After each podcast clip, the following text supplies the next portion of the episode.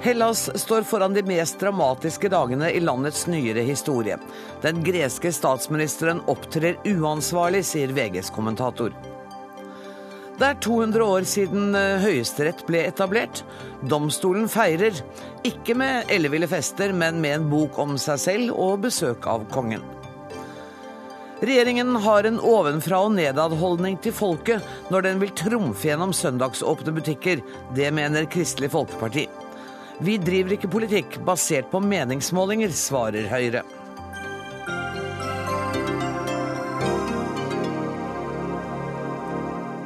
Dette er noen av sakene i Dagsnytt 18 denne mandagen, og hvis du er sportsinteressert, så er dette programmet for deg. For vi skal diskutere hvem som skal få lov til å se OL-sendingene heretter. Men først. Hellas står midt oppe i noen av de mest dramatiske dagene i landets nyere historie. Nå kan det ende med katastrofe for Hellas og det største nederlaget noensinne for EU. Den greske regjeringen brøt forhandlingene med kreditorene på fredag, og vil nå gjennomføre en folkeavstemning om kravene fra långiverne. I dag bruker EU-kommisjonens president usedvanlig sterke ord mot eh, Hellas, og sier han føler seg sveket. Åse Marit Befring, korrespondent for NRK, du er i Aten. Kan du beskrive stemningen der du er nå? Ja, Man skulle jo tro at det skulle være en veldig nervøs stemning, men, men det er altså ikke det. Eh, og en forklaring som flere har gitt meg når jeg har spurt dem på gata eh, om den situasjonen de nå står i, det er at eh, vi har stått i Vi har levd under innstramminger, vi har levd under resesjon i mange år. Så dette her er bare en ytterligere bekreftelse av at vi aldri skal få det verre. Eh, få det bedre. Eh, og, eh, men når det er sagt, så er det jo også selvfølgelig også stor usikkerhet. Folk er spente. De stopper opp, de leser avisoverskriftene i bladkioskene. De stiller seg i kø, prøver å ta ut de pengene de kan ha. Noen ble sinte fordi de ikke fikk ut pensjonen sin. I morgen så skal kanskje bankene åpne bare for pensjonister, fordi det er den dagen hvor de får pensjonen sin utbetalt. Og pensjonistene blir nå viktige for storfamilien for at de skal ha noe å leve av. Åse Marit, vi har en litt ustabil telefonlinje med deg, så jeg foreslår at jeg snakker litt med gjestene jeg har i studio, og så prøver vi å få ny kontakt med deg om en liten stund. Og da går jeg til deg, utenriksminister Børge Brende. Hvordan vil du beskrive den situasjonen som Hellas befinner seg i? Meget uh, uoversiktlig. Og for uh, Europa så er det mye som står på spill, men enda mer for grekerne. jeg håper jo at man finner en løsning hvor Hellas eh, går gjennom igjen de forslagene som ligger på bordet, ser på om det er mulig å øke pensjonsalderen. Den er jo relativt lav i forhold til hva vi er vant med i Norden. Mm. Ser på et uavhengig skattevesen, slik at de kan øke eh, skatteinntektene. De var jo ikke så langt fra hverandre i forrige uh, uke, men så kom jo det som lyn fra klar himmel da statsministeren initierte denne folkeavstemninga på neste søndag. Var det klokt av ham? Nå har han eh, varsla denne folkeavstemninga, eh, så det er jo et eh, faktum. du er ikke... diplomat nå? Jeg tror at det er behov for mer diplomati og mindre diplomati i Europa akkurat nå. Så vi skal ikke bidra til å hause opp stemninga. For, for Hellas så er det jo veldig mye som står på spill. Det jo, dette vil jo prege generasjoner fremover. Og jeg mener jo veldig sterkt at Hellas eh, er en viktig del av Europa. Når vi ser det bildet eh, i f.eks.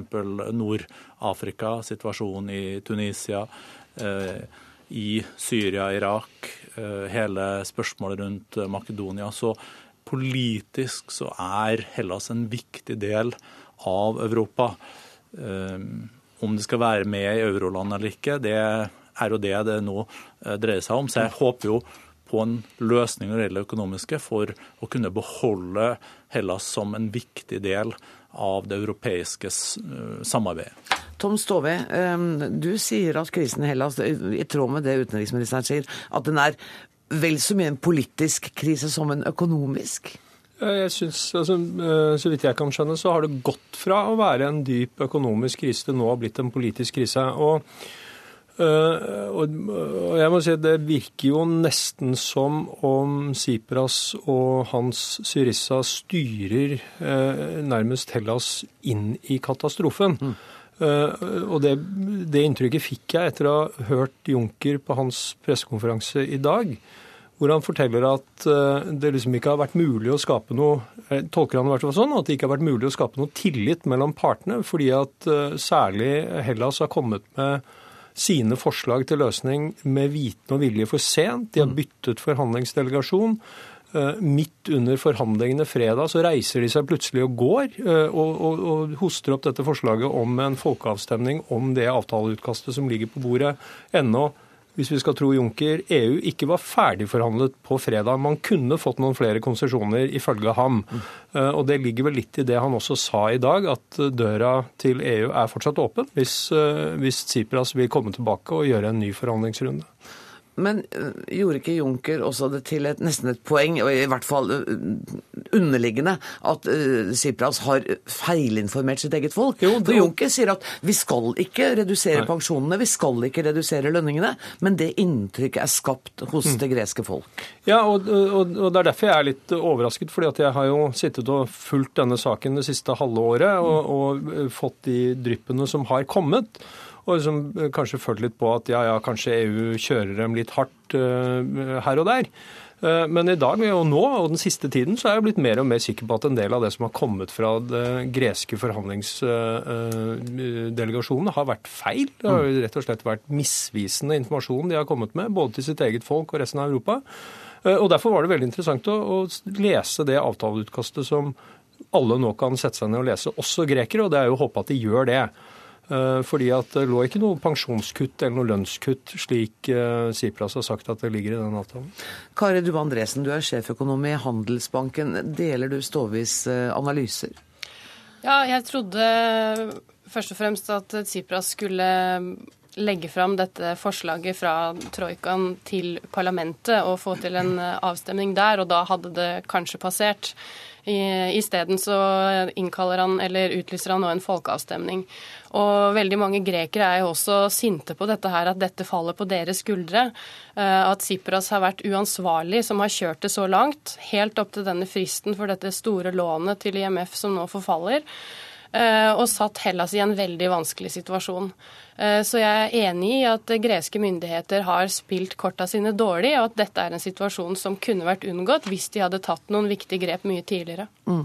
Og så Marit Befring, jeg tror vi har deg med igjen. Du sa i første gang du var inne noe om at folk er sinte, men at altså bankene i morgen skal være åpne for pensjonister. Ja, det, det, har regjeringen sagt i dag morges. Nå vet man jo ikke om det kommer til å skje. Men eh, de har sagt at eh, da skal bankene åpne for at pensjonistene skal få ta ut pensjonen sin for en hel måned.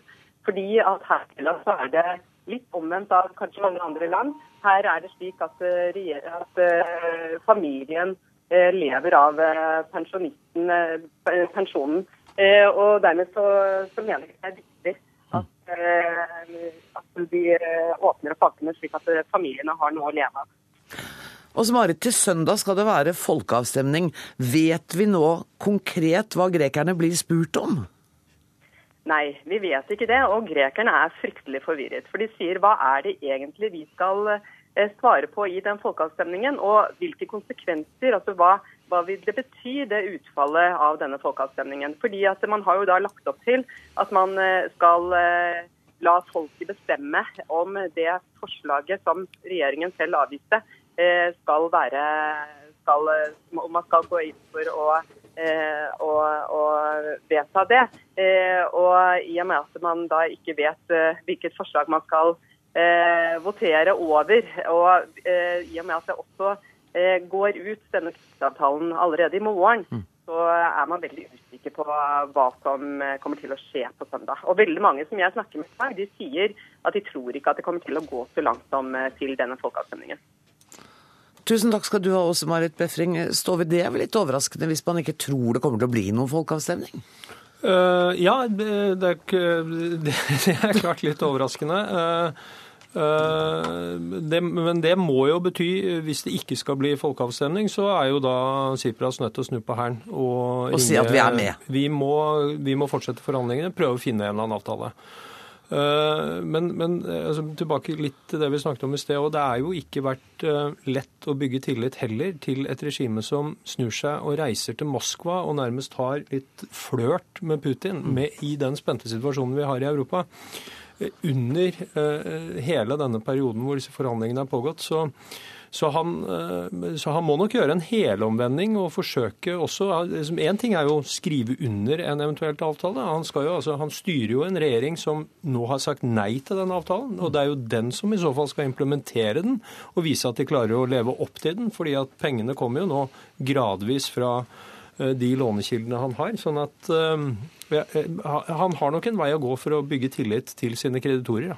Men også tror jeg til sitt eget folk, for i dag kom det da en meningsmåling som viser at over 70% av det greske folk vil fortsatt være med i, europe i det europeiske fellesskapet. Ja, og det greske folk har vel sett at både Spania, Portugal og de baltiske landene har vært gjennom tøffe omstillingsprosesser, slik også Hellas har vært, men at de har kommet i havn, og at økonomien igjen eh, vokser. Eh, hvis man ser på pensjonene og mulighetene til å skaffe seg jobb fremover, eh, så kan jo det òg bli svekka, og pensjonene kan jo bli svekka hvis vekstkraften i økonomien totalt uteblir og man mm. fortsetter på, i en negativ spiral. Så vi får se de nærmeste dagene det presset som er nå mot statsministeren for å finne en løsning både med eh, de europeiske finansministrene, med pengefondet IMF. Mm. Men så må vi heller ikke glemme for Europa de politiske implikasjonene ved Hellas, som forlater Europa. Eh, det ble jo nevnt hans reise til Putin i Moskva. Vi er avhengig av Hellas i mange sammenhenger i den regionen, som er uh, ustabil. Mm. Uh, vi skal se tilbake på dette om ti år og se på hvordan håndterte man dette. Men jeg hadde jo helst sett at den greske eh, regjeringa hadde vært litt åpnere rundt de strategivalgene. Men jeg vet jo òg at det samtidig foregår eh, samtaler i Brussel og med Hellas. Og hvis man kunne komme frem til en avtale i løpet av uka, slik at en folkeavstemning ble unødvendig og man kunne ta den voteringa i det greske parlamentet, så hadde det jo oppstått en eh, annen situasjon. En, en helt svært... annen, mye mer oversiktlig situasjon. Ja. Eh, Kari Du Andresen? Jeg tror Hvis man kommer så langt som til en folkeavstemning på søndag, så vil det eh, det sier også Jean-Claude Juncker i dag. Det vil bli en avstemning ja eller nei til EU. Mm. Sånn vil det antagelig bli fremstilt. Eh, og hvis man ser på meningsmålinger i det greske folket, i hvert fall eh, før denne folkeavstemningen ble annonsert, så er det et flertall for å være med i EU. Ja, så sånn sett så er det lov å håpe, jeg gjør eh, det, at folket sier ja. Ja, for Hvor dramatisk vil det være hvis eh, Hellas går ut, eh, bryter eh, eurosamarbeidet, går tilbake til drakmer? Hva vil skje da? Det vil være en veldig uoversiktlig situasjon. Hvis de går tilbake til drakmer, så er det antagelig en valuta som vil svekke seg veldig. De vil fortsatt ha både offentlige og private lån i euro, som da blir helt umulig å betale.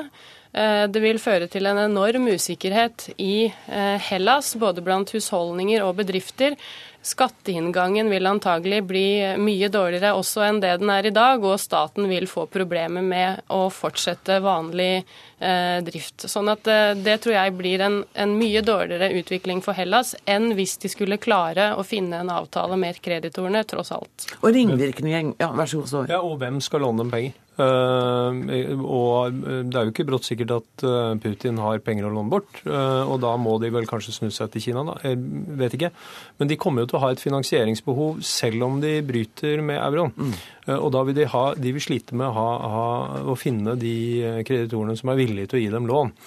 Og For Europa så kan det bli alvorlig. Altså, veldig mange analytikere sier at Hellas er en for liten økonomi, det vil ikke bli noen rystelser i det europeiske finansvesenet. Men Jeg må si at Så godt kjenner jeg sånne eh, store investorer som flytter hundrevis av milliarder over landegrensen. Det er ganske skvettende. Mm. Så med en gang de liksom opplever en eller annen form for frykt, usikkerhet, så begynner store pengemasser å flytte, seg. Og da kan mye rart skje. Rentene kan stige, det kan, du kan få noen valutakursendringer.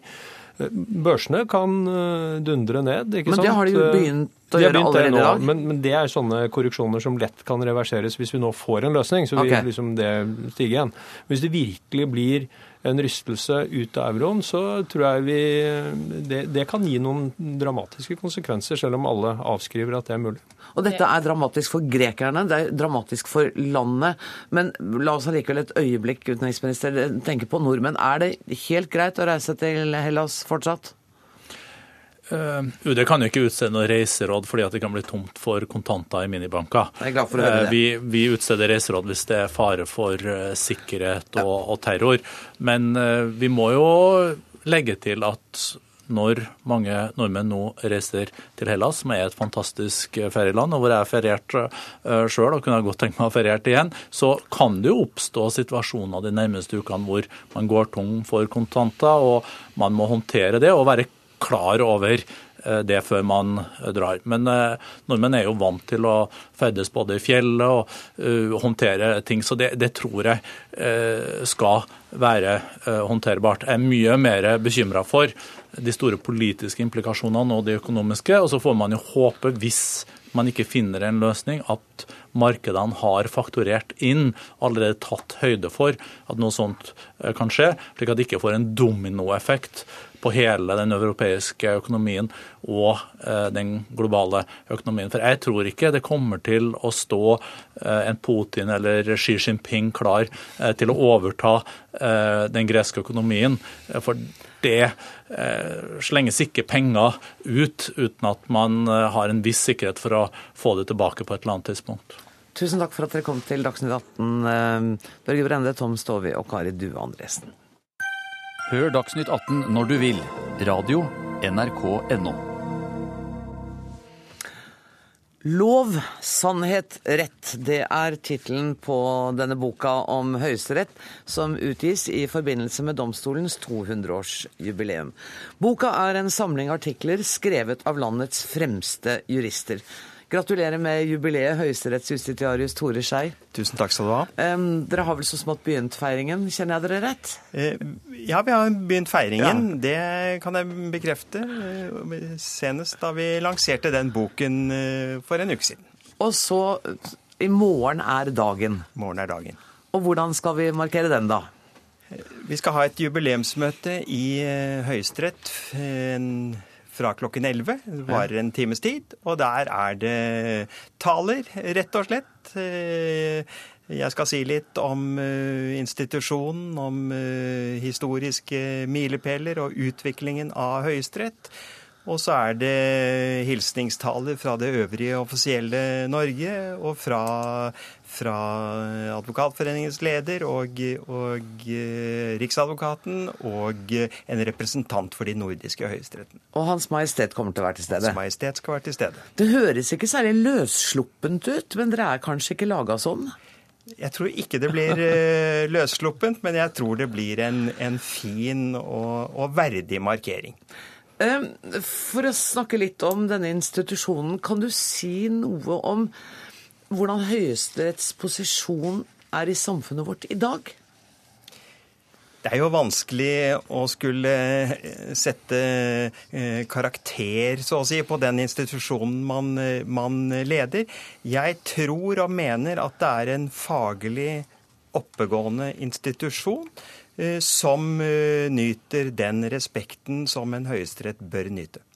Og så er det debatter knyttet til Høyesteretts virksomhet. For et tid siden så var det sterke debatter om menneskerettighetenes plass i Grunnloven. Mm. Um, og nå er det slått fast at menneskerettighetene i traktater som Norge er bundet av, skal respekteres og sikres. Hvilke konsekvenser har det fått? Vel, eh, Eh, de viktigste menneskerettighetskonvensjonene har jo nå eh, vært norsk lov siden 1999, eh, og deler av dem før det også. Og ikke bare norsk lov, men Stortinget bestemte at var det konflikt med annen norsk lov, så skulle menneskerettighetene gå foran. Slik at den praktiske konsekvens at det nå er tatt inn eh, menneskerettighetene, konvensjonene, i, i Grunnloven, henvisning til dem, den store praktiske betydning har ikke dette, men det har en stor symbolverdi. Så det innebærer ikke noen sterkere eller svekkelse eller en styrking av politiseringen av Høyesterett? Det vil jeg ikke si, nei. Det som kanskje eh, kan være en Eller det som er en endring, det er jo at, at Eh, vi har fått noen særlige eh, menneskerettigheter eh, i enkeltbestemmelser i Grunnloven. Og, og, det er jo da enkeltbestemmelser som Høyesterett må, må anvende som grunnlovsbestemmelser.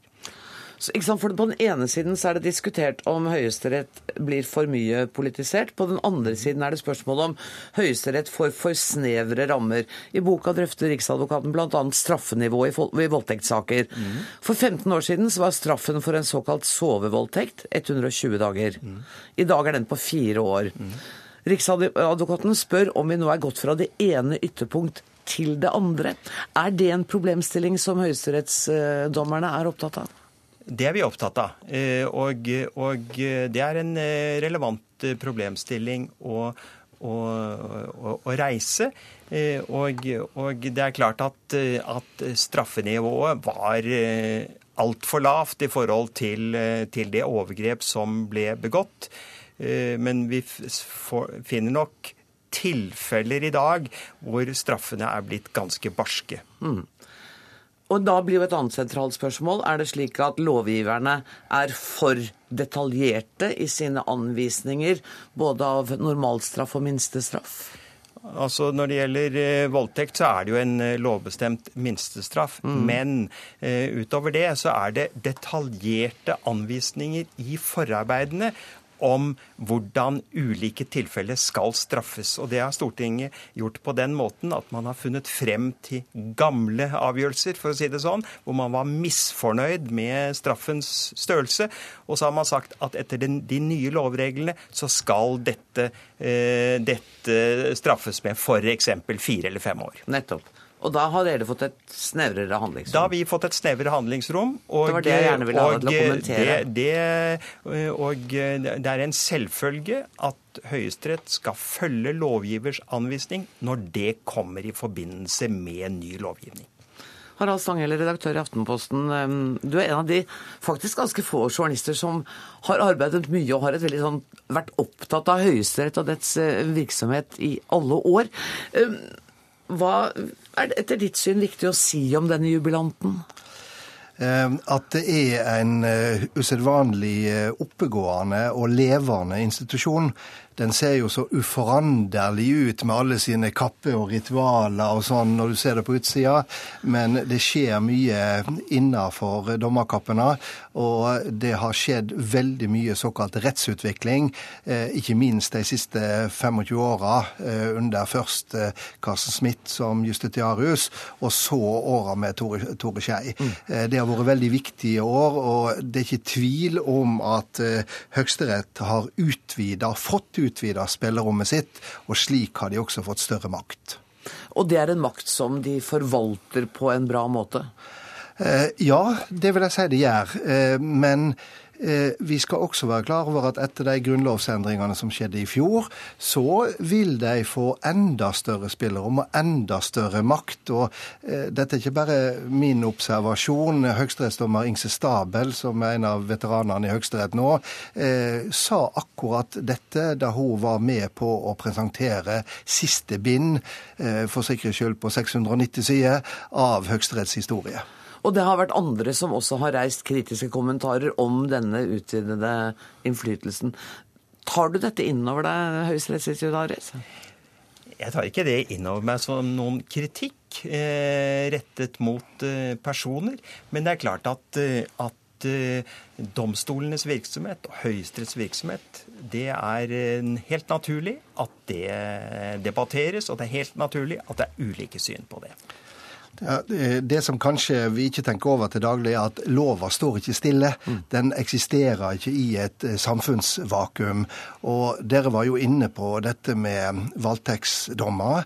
Der det er ikke tvil om at Høyesterett fikk en korreks av Stortinget. Og sånn sett så kan du si at eh, Høyesteretts autoritet som straffedomstol ble stilt under et visst press. På den andre sida så ser du disse eh, dommerne som går på, eh, på de ulike konvensjonene, der Høyesterett får større makt. Og den siste og mest oppsiktsvekkende, eller den som har vekt mest eh, oppsikt, det var jo i den såkalte Maria-saka, der det var ei kenyansk kvinne med ei fire år gammel jente, Maria, som skulle kastes ut av landet. Høyesterett sa nei til det, fordi at barnas, eh, hensynet til barnets beste, slik det er nedfelt i Barnekonvensjonen, trumfer da utlendingsstyresmaktene sin politiske eh, og juridiske skjønn. Slik skaper Høyesterett ny politikk, og ikke bare ny rett. Um, et annet spørsmål er jo dette, dette skal være landets fremste dommere.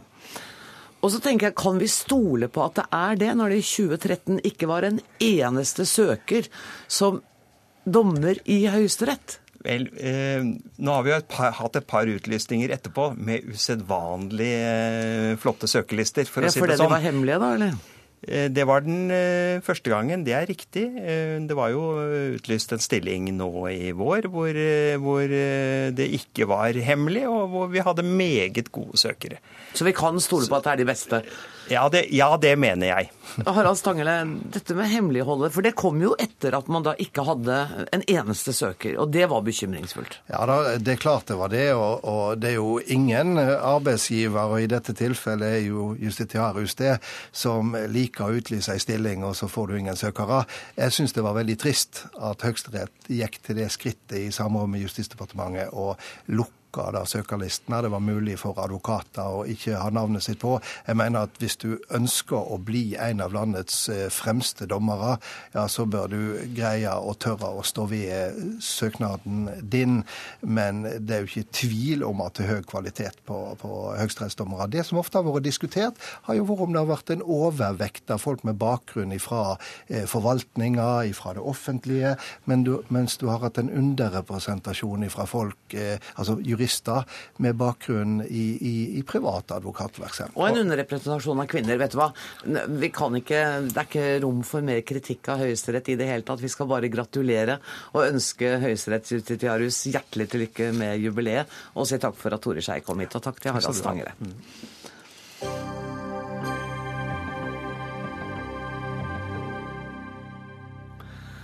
Det er arrogant av regjeringen å gå videre med forslag om søndagsåpne butikker når det er så stor motstand i befolkningen. Det sier Kristelig Folkeparti-lederen, som lot seg provosere av statsministerens uttalelser om at den massive motstanden mot søndagsåpne butikker vil falme når eh, vi vanlige folk bare først har fått oppleve den.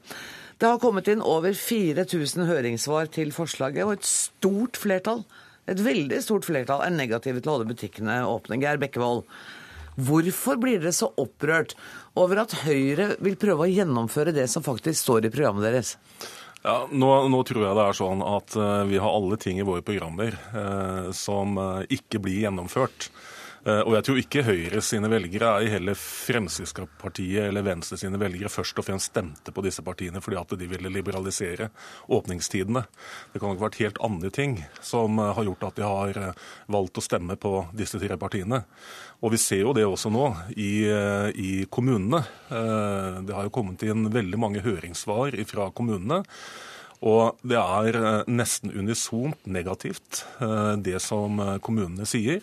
Også Høyre-styrte og Fremskrittsparti-styrte kommuner er negative til den liberaliseringen som som regjeringspartiene og Venstre har tatt til orde for. Så jeg tror nok det er grunnlag for å si at her har vi en veldig lite lyttende regjering.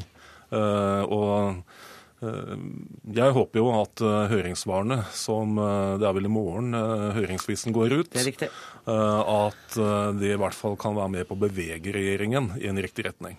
Henrik Asheim, kommer det til å skje? Altså, vårt mål er å åpne for søndagsåpne butikker. Det står i vårt program, står i vår regjeringserklæring, og vi har flertall for det samme Venstre. Men blir dere litt nervøst svette av at det er så voldsom motstand? Jeg har ikke sett så mange høringssvar tror jeg, til noen sak. Nei, altså Det har vært uh, veldig engasjement. Det er ganske mange veldig like høringssvar, bare for å si det. altså. Ja. Men, så, så, Så det, det ligner litt på en aksjon, ja, ja, det kan nok være det, altså. Men jeg må si det, jeg klarer ikke å dy meg. fordi av alle partier å få kritikk for at man ikke gjør det som flertallet i folket mener, så bør kanskje KrF ikke være det første partiet som trekker frem deres resonnementet. Fordi KrF er et parti som, og det er ikke kritikk, det står respekt av det, men et parti som veldig ofte mener noe annet enn flertallet i befolkningen i veldig mange saker. Sånn at at man nå plutselig i denne saken mener at bare fordi flertallet i folk eller mange høringssvar er kritiske, skal dermed automatisk forandre sitt politiske standpunkt, det blir litt hult fra KrF. Men så er det slik at eh, det vi har sagt, det er at vi ønsker å fjerne et forbud mot å selge varer på søndag.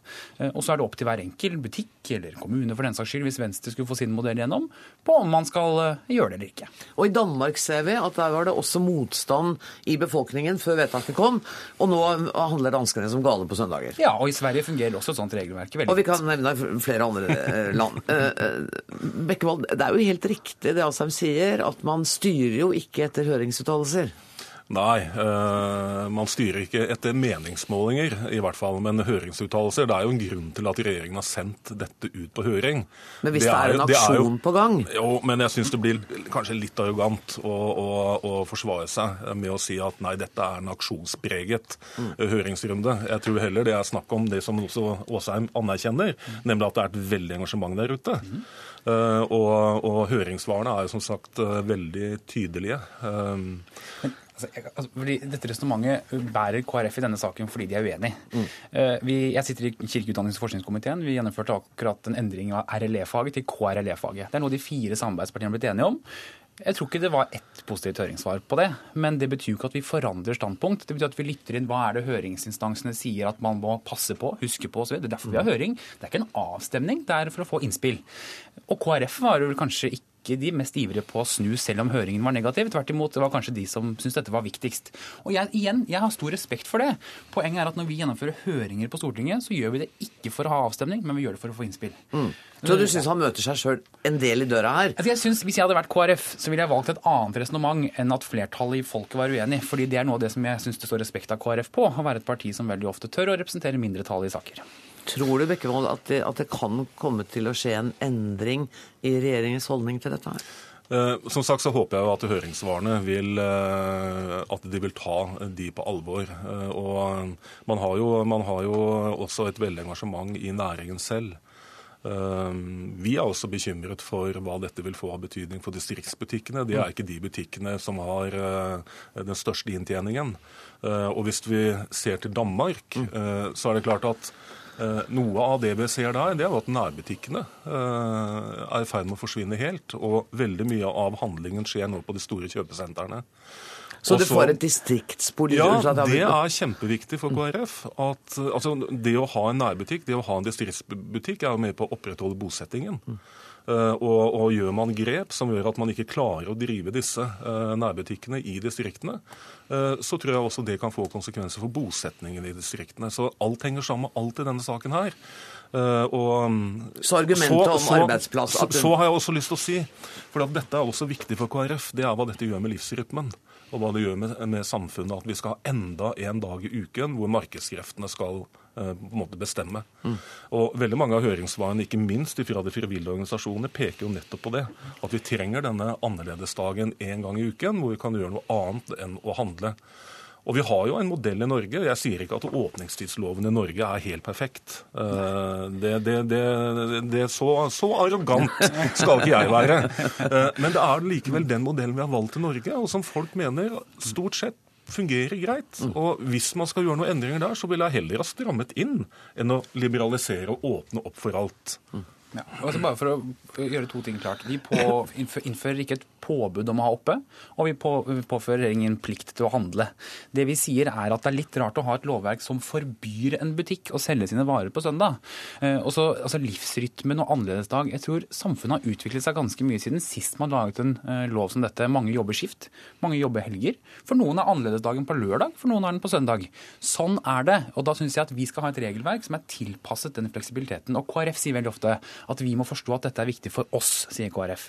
Vel, dette er også ganske viktig for oss. Jeg tror alle som har fulgt Høyre og Fremskrittspartiet i norsk politikk, vet at noe av det som har vært viktig for oss, det har vært å liberalisere og tilpasse regelverket forbrukerne også. Eh, hvis jeg hadde drevet butikk, så ville jeg ikke nødvendigvis hatt lengst mulig åpningstid. Egentlig hadde det beste vært å bare være oppe fem timer om dagen, sånn at alle har handlet da. Det har vært kjempebillig for meg som butikkeier. Men vi tenker ikke bare på butikkene, vi tenker også på forbrukerne. Og samfunnet har forandret seg, og vi må tilpasse regelverket den fleksibiliteten. Men ser du det distriktspolitiske aspektet som Bekkevold trekker fram, at, at distriktsbutikkene er de som kommer til å slite mest? Vel, altså Dette her er jo ikke noe som vi har funnet på i Norge. Man gjør dette i veldig mange land. Og det er slik at eh, OECD påviser at sysselsettingen øker, prisene går ikke opp. Og det er slik at hvis en distriktsbutikk ikke eh, lønner seg for dem å være oppe, så kommer de jo heller ikke til å holde oppe. Altså KrF sier veldig ofte at eh, da går de konkurs. Vel, det de da sier er at en butikk kommer til å holde oppe selv om den ikke tjener penger på det, fordi ingen handler der. Vel, da kommer ikke butikken til å være oppe. Det kan jo hende at rett og slett eh, flere også kommer til å handle på søndag, hvis det er mulig å handle på søndag. Det kan jo hende at noe av grunnen til at eh, distriktbutikkene vil slite, er fordi at båndlinja den er så lav allerede. Og søndagene representerer de aller dyreste timene for en butikkeier. Og at det vil være med på å gjøre inntektsutdraget enda, enda vanskeligere for dem. Vet du hva, Der fikk du siste ord. Jeg er nødt til å sette strek. Jeg er helt sikker på at vi møtes igjen. Jeg. Altså, Når skal dette avgjøres, egentlig? Nå er jo høringen over, og så over. kommer regjeringen eventuelt med en sak til høsten. og Da får vi ta det i Stortinget. Skal vi si at vi ses her i september, da? Veldig, veldig hyggelig at han, at han, sa 'eventuelt'. Jeg tror vi kan stole på at den kommer. Tusen takk for at dere kom til Dagsnytt 18, Geir Bekkevold og Henrik Asheim.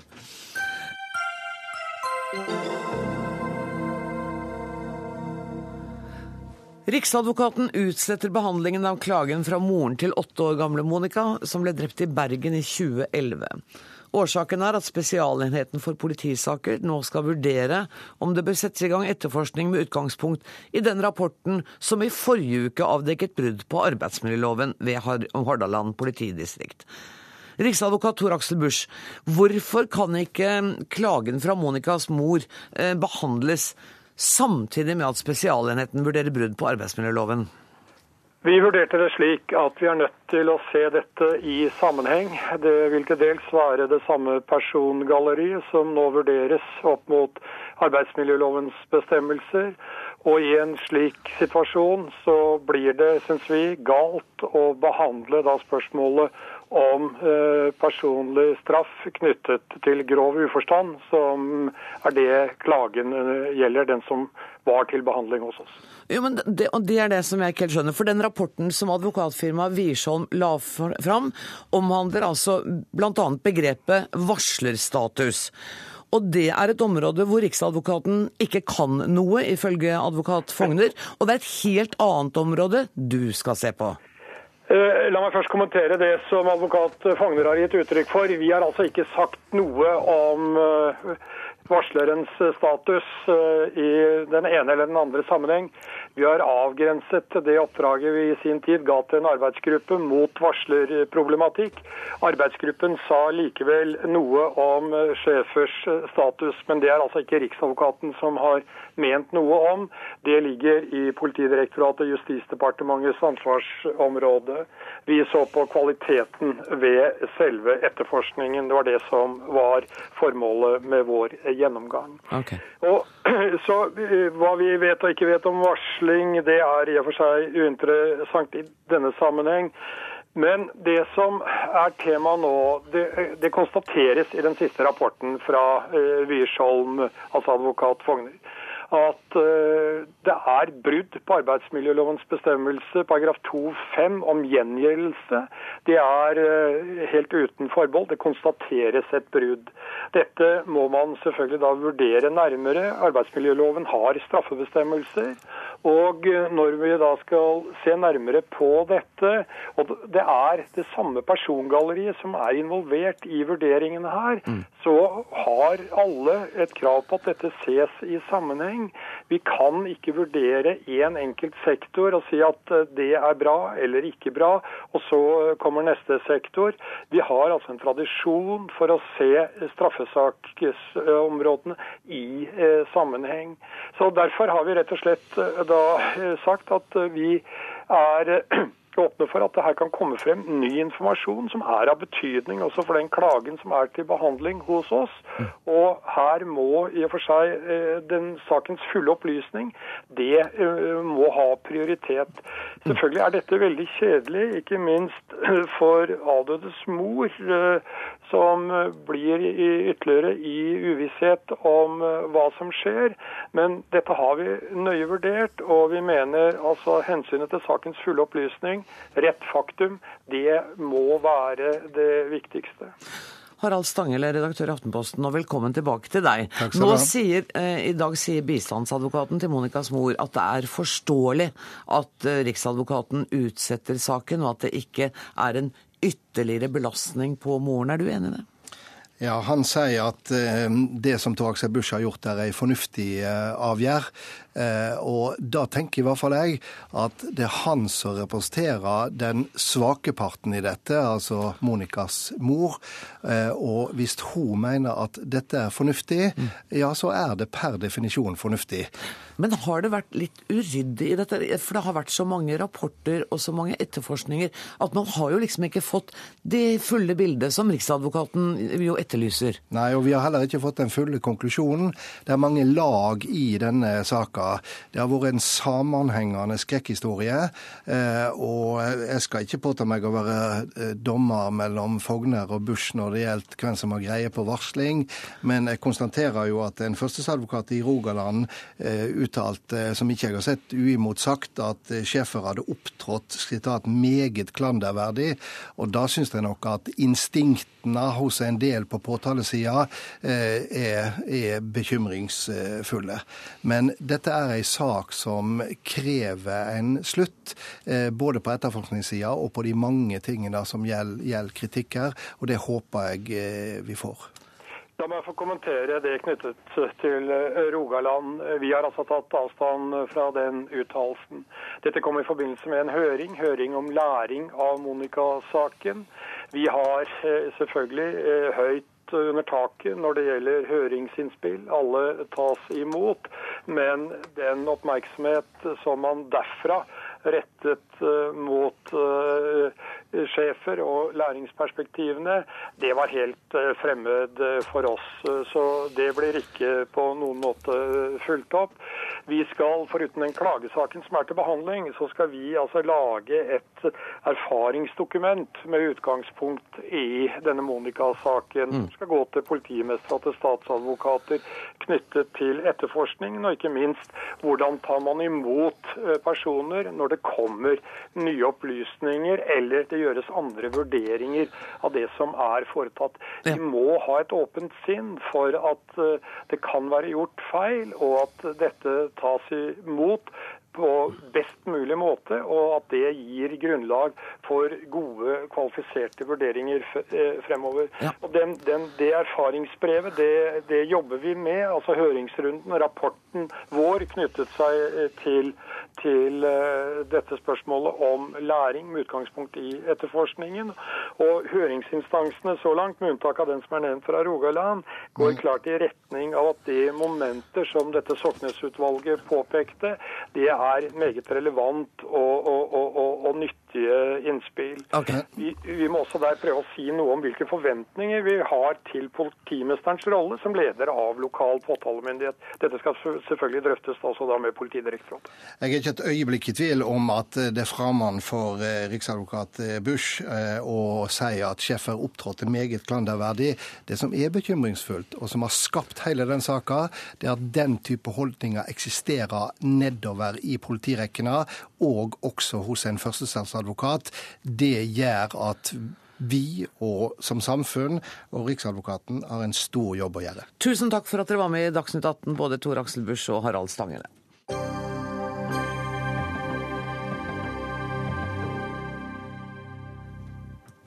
TV Norge-eier Discovery Communications har kjøpt eh, visningsrettighetene til alle OL-sendinger fra 2018 til 2024.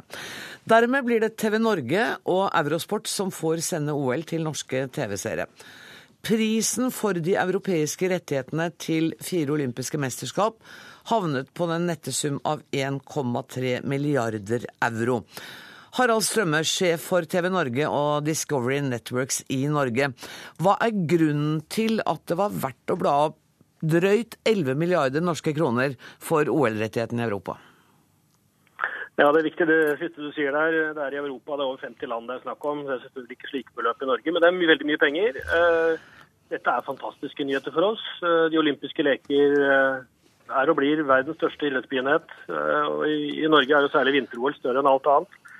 Så for oss eh, er det å ha disse rettighetene i fire år framover, det er en, en, en, drøm som går i oppfyllelse. Så det at eh, disse OL-sendingene skal gå på reklamekanaler, og delvis på kanaler som ikke alle har, det bekymrer ikke deg? Vel, nå viste vel TV 2 uh, på aldeles fremragende vis at det gikk an å se OL på reklamefinansiert fjernsyn.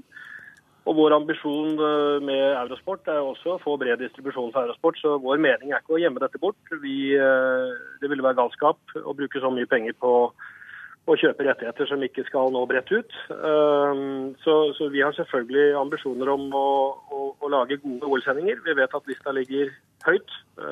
Sterke og stolte tradisjoner i Norge for å lage godt TV av vintersport. Så vi vet at forventningene er høye. men vi har flere år på oss for å forberede oss, og vi skal eh, tror jeg, møte de, eh, de forventningene. Har dere vurdert om dere skulle selge rettighetene til enkeltøvelser til NRK eller TV 2? Nei, Det er altfor tidlig å, å, på en måte å, å, gå inn i den type diskusjon. Dette er rettigheter som strekker over mange mange år. Eh, det er mange rettighetskamper vi er involvert i, både bak oss og foran oss. Eh, så jeg vil ikke avskrive eller garantere uh, verken det ene eller det andre. Eh, det er fantastiske rettigheter å, å ha. og vi skal gjøre vårt aller aller beste for å gjøre folk stolte, også over norske idrettsutøvere på, på skjermen i de årene vi, vi har forvaltet disse rettighetene. Øyvind Lund, mediedirektør i NRK. Er det, er det litt sånn dagen derpå-følelse og litt skuffet, skuffelse nå? Ja, Først må jeg jo faktisk få lov til å gratulere Harald Strømme og TV Norge og Discovery med rettighetene, som er attraktive TV-rettigheter og medierettigheter.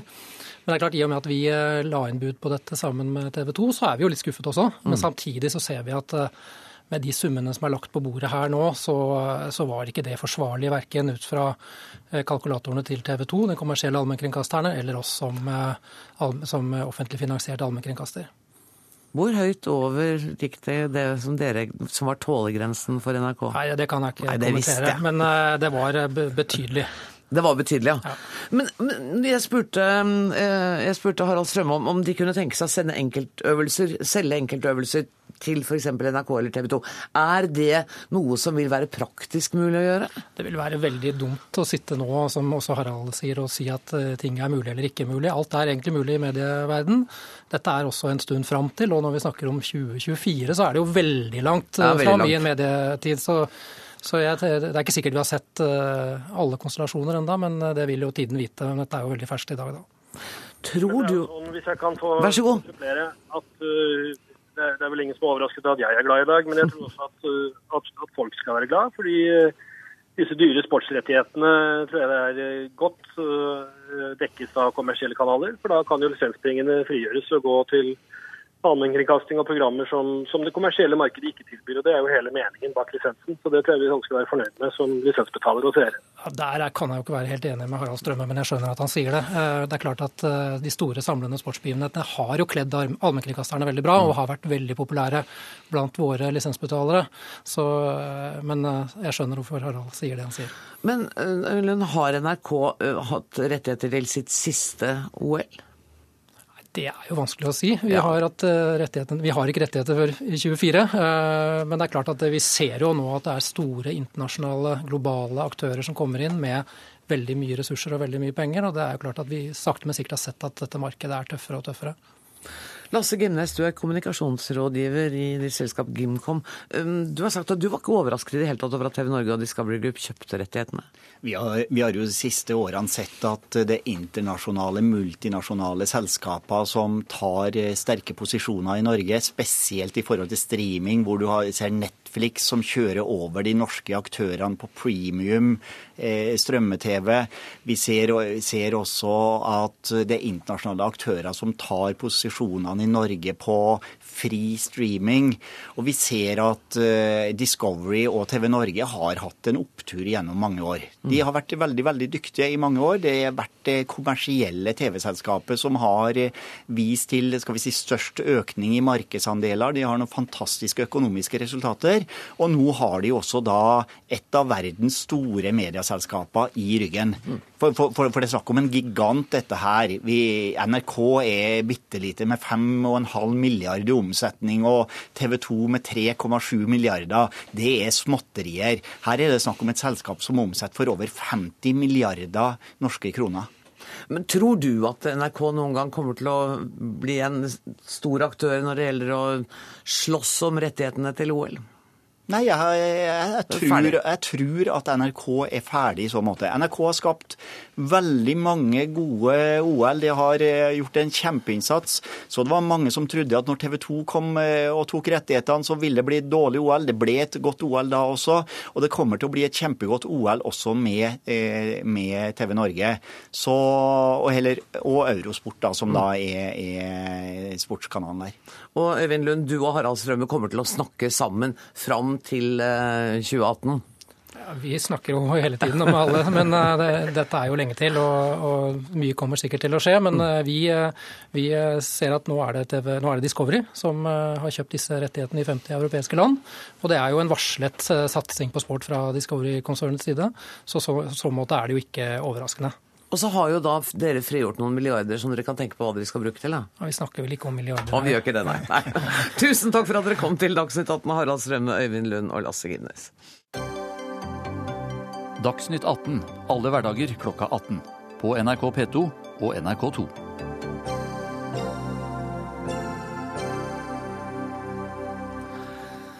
Hvordan skal Norge håndtere nordmenn som reiser ut av landet for å krige for andre stater? Regjeringen foreslår å frata disse statsborgerskapet. Dette forslaget har nå vært ute på høring, og har fått kritikk både fra forskere og fagfolk. Mazyar Keshvari, du er stortingsrepresentant for Fremskrittspartiet. Hva ønsker dere å oppnå ved å innføre på en måte denne straffebestemmelsen, som det jo da blir? Vi ønsker et eh, ekstra virkemiddel i kampen mot eh, radikalisering og rekruttering til eh, terrororganisasjoner som Islamsk Stat og andre, som vi har sett en økt tilstrømming til fra Norge og andre europeiske land. Men dette gjelder jo da bare eh, norske statsborgere som har dobbelt statsborgerskap. Eh, og i Norge er det jo ikke praksis for å ha det. Så, så hvor mange mennesker vil det gjelde? Det jeg ikke oversikt over, og det er jo riktig at det har helt klare begrensninger. Vi kan f.eks. ikke gjøre mennesker statsløse, eh, og det ønsker vi heller ikke. Men det er viktig å tenke på at dette er ett av svært mange virkemidler. Hovedvirkemidlet mot eh, radikalisering og ekstremistisk vold, kom jo en handlingsplan som regjeringen la fram, eh, der ti departement var medvirkende til handlingsplanen, og som tar for seg hele det norske samfunnet. Dette er kun ett av svært mange virkemidler for å stadfeste en viktig prinsipp og avskrekke folk. Det, det jeg bare prøver, er å få en oversikt over hvor omfattende dette virkemidlet er. For du må altså ha to statsborgerskap, og du må ikke bare reise for å kjempe for en annen stat, men det skal også gå godtgjøres at du da har vært med på folkemord? Ja, blant annet, eh, og andre forbrytelser mot mennesker og menneskeheten. Så man vet eh, Men, ikke hvor mange dette kan komme til å nei, ramme? Dette er en viktig prinsipp eh, for å slå fast at dersom du har norsk statsborgerskap, så kan du ikke dra til andre land for å kjempe mot norske interesser. Du kan ikke begå forbrytelser mot mennesker og menneskeheten. Og det kan få mange alvorlige konsekvenser. Og et av de konsekvensene for en begrenset menneske kan være at de mister det norske statsborgerskapet sitt, eh, akkurat som eh, Danmark, Nederland og Storbritannia har innført eh, lignende bestemmelser. Arild Dyngeland, du er leder av forsvarergruppens høringsutvalg ved Advokatforeningen. Ehm, du hører at andre land har samordning. Hvorfor er dere likevel skeptiske til dette? Vi kan ta utgangspunkt i et av de spørsmålene som er her, hvor praktisk dette er og hvor stor utbredelse det vil ha. I Tyskland har man hatt eh, bestemmelser som gir hjemmel for dette i mer enn 30 år, og man kjenner ikke en eneste sak der dette har vært en aktuell problemstilling. Danmark har hatt to saker der de har prøvd dette for retten. I ingen av de ble denne begjæringen gitt medhold. Sånn at eh, utbredelsen av dette tenker vi er forsvinnende liten. Det andre som jeg hører her, er at man ønsker å ha dette fordi at det skal ha en avskrekkende effekt. Og eh, Det som vi tenker i forhold til at det har en avskrekkende effekt, er jo det at dette er handlinger som i utgangspunktet er straffbar. Man eh, har et anvendelsesområde der det skal være fengselsstraff på maksgrense med 21 år. og Da eh, tenker vi at det å true med å ta fra noen et statsborgerskap, ikke det som får disse til å avstå fra, fra terrorhandlinger. Så vi er ganske skeptiske til til uh, dette. I tillegg så tenker vi det at det er galt når man sier at det er et virkemiddel mot radikalisering. Dette er ikke et virkemiddel mot radikalisering. Det er også å flytte personer fra Norge som er radikalisert. Det man burde sørge for, er virkemidler for at de som er radikalisert, lar være å være det i fortsettelsen. Og det kan vi gjøre best i Norge, ikke i utlandet. Ja, og det er helt korrekt, men det er som jeg sa, altså, dette er jo ikke et hovedsatsingsområde i denne kampen om eh, rekruttering. Dette er å stadfeste en viktig eh, prinsipp. Og det er som du nevner sjøl, allerede andre straffer eh, for å begå den type handlinger som man blir ramma av denne bestemmelsen. Men for oss så er det en eh, viktig prinsipp. Eh, dernest så er det aller viktigste å forhindre radikalisering, og ikke minst få mennesker som er radikaliserte og ekstreme til å komme seg ut av de miljøene. Mm. Og der har vi jo en egen handlingsplan. Ja, det så, så, så, dette er jo ikke, dette er liksom ikke alfa og omega Nei. i dette. Kun et uh, virkemiddel i et ledd av svært mange. Men det vi prøver å finne ut, er hvor effektivt dette virkemiddelet er. Nå hører vi altså at I Tyskland har de ikke hatt et eneste tilfelle. I Danmark er det to tilfeller prøvd for retten. Og det er vel ikke snakk om at dette, at man kan ta fra folk eh, eh, statsborgerskap administrativt. Det må vel prøves for en rett også i Norge, slik dere foreslår? Ja, selvfølgelig. Norge er et rettsstat, og alle som skal få miste statsborgerskapet sitt, må få prøvd det for domstolene. Eh, grunnen til at det har vært noe begrenset eh, eh, bruk av dette i disse andre landene, er fordi at dette er jo relativt nytt fenomen. At man ser så mange mennesker eh, drar til andre land for å tilslutte seg terroristorganisasjoner i det omfang vi ser i Europa, og som vi har sett en utbredelse av spesielt fra 2012 og fram til eh, i dag. Eh, og Vi tror dessverre at dette er et, en problemstilling som vil fortsette også i fremtiden. Derfor er det nødvendig å ha dette som et av svært mange virkemidler for å både avskrekke, men også kunne faktisk frata mennesker statsborgerskap som en, en del av straffereaksjonen. Men denne avskrekkingen, dere er ikke redd for at mennesker som har det norske statsborgerskapet ved å miste det, snarere mister lojaliteten til Norge og kanskje drives ytterligere ut i det ekstreme? Nei, mennesker som har blitt eh, så ekstreme at de er villige til å dra til andre deler av verden for å ta livet av uskyldige mennesker i kampen for å oppnå svært, svært eh, ekstreme eh, ting, og har tilsluttet seg noen av de mest ekstreme ideologier og organisasjoner i verden, mener vi ikke at dette dette ene tiltaket er det som vil liksom dytte dem over kanten. Dette er jo for mennesker som allerede har dratt, tilsluttet seg og begått forbrytelser som man allerede kan straffe, og det er en tilleggsstraff ved dette tiltaket. Dyngeland. Ja, vi mener jo at det man skal diskutere nå er akkurat dette ene tiltaket her. Og dette er det eneste tiltaket som vi kjenner i norsk rett som vil være en livsvarig straff som man aldri kommer ut av. Det andre er jo det at Eh, vi eh, snakker her om å ta statsborgerskapet fra mennesker som har dobbelt statsborgerskap. Altså det kan være mennesker som har vokst opp i Norge, men som har foreldre fra et annet land. Mm. Og som vi da tenker at eh, vi skal flytte problemet vårt over til, selv om den personen bare har en marginal tilknytning til dette. I denne NOU-en er man inne på det at det blir neppe veldig godt mottatt i f.eks. Frankrike, hvis man ønsker å ta eh, en som har dobbelt statsborgerskap, ta fra ham det norske og så sende han til Frankrike. Enda verre vil det sannsynligvis være hvis man gjør dette til land som er rammet mye sterkere enn vi er av IS-aksjoner, eh, og som da skal eh, måtte ta imot denne typen personer i tillegg. Vi mm. har bedre forutsetninger for å ta vare på de og hindre radikalisering ytterligere enn det de landene har. Da får vi bare vente og se hva regjeringen kommer fram til eh, med dette. Høringsfristen går ut, og vi regner med at vi får en snarlig avklaring. Tusen takk for at dere kom til Dagsnytt 18, Mazyar Keshvari og Arild Dyngeland. Før vi slutter i dag, skal jeg bare lese en melding som jeg nettopp har eh, fått inn. og det, Den forteller at Hellas kommer ikke til å betale avdraget på 1,6 milliarder euro til IMF, altså Det internasjonale pengefondet, når det forfaller tirsdag. Det opplyser en regjeringskilde til Reuters. Dermed ser det altså ut til at det blir klart for en folkeavstemning på søndag. Denne utgaven av Dagsnytt 18 er over. Ansvarlig for sendinga i dag var Ida Tune Ørritsland. Det tekniske ansvaret har Frode Thorshaug. Jeg heter Anne Grosvold og ønsker dere alle en riktig god kveld.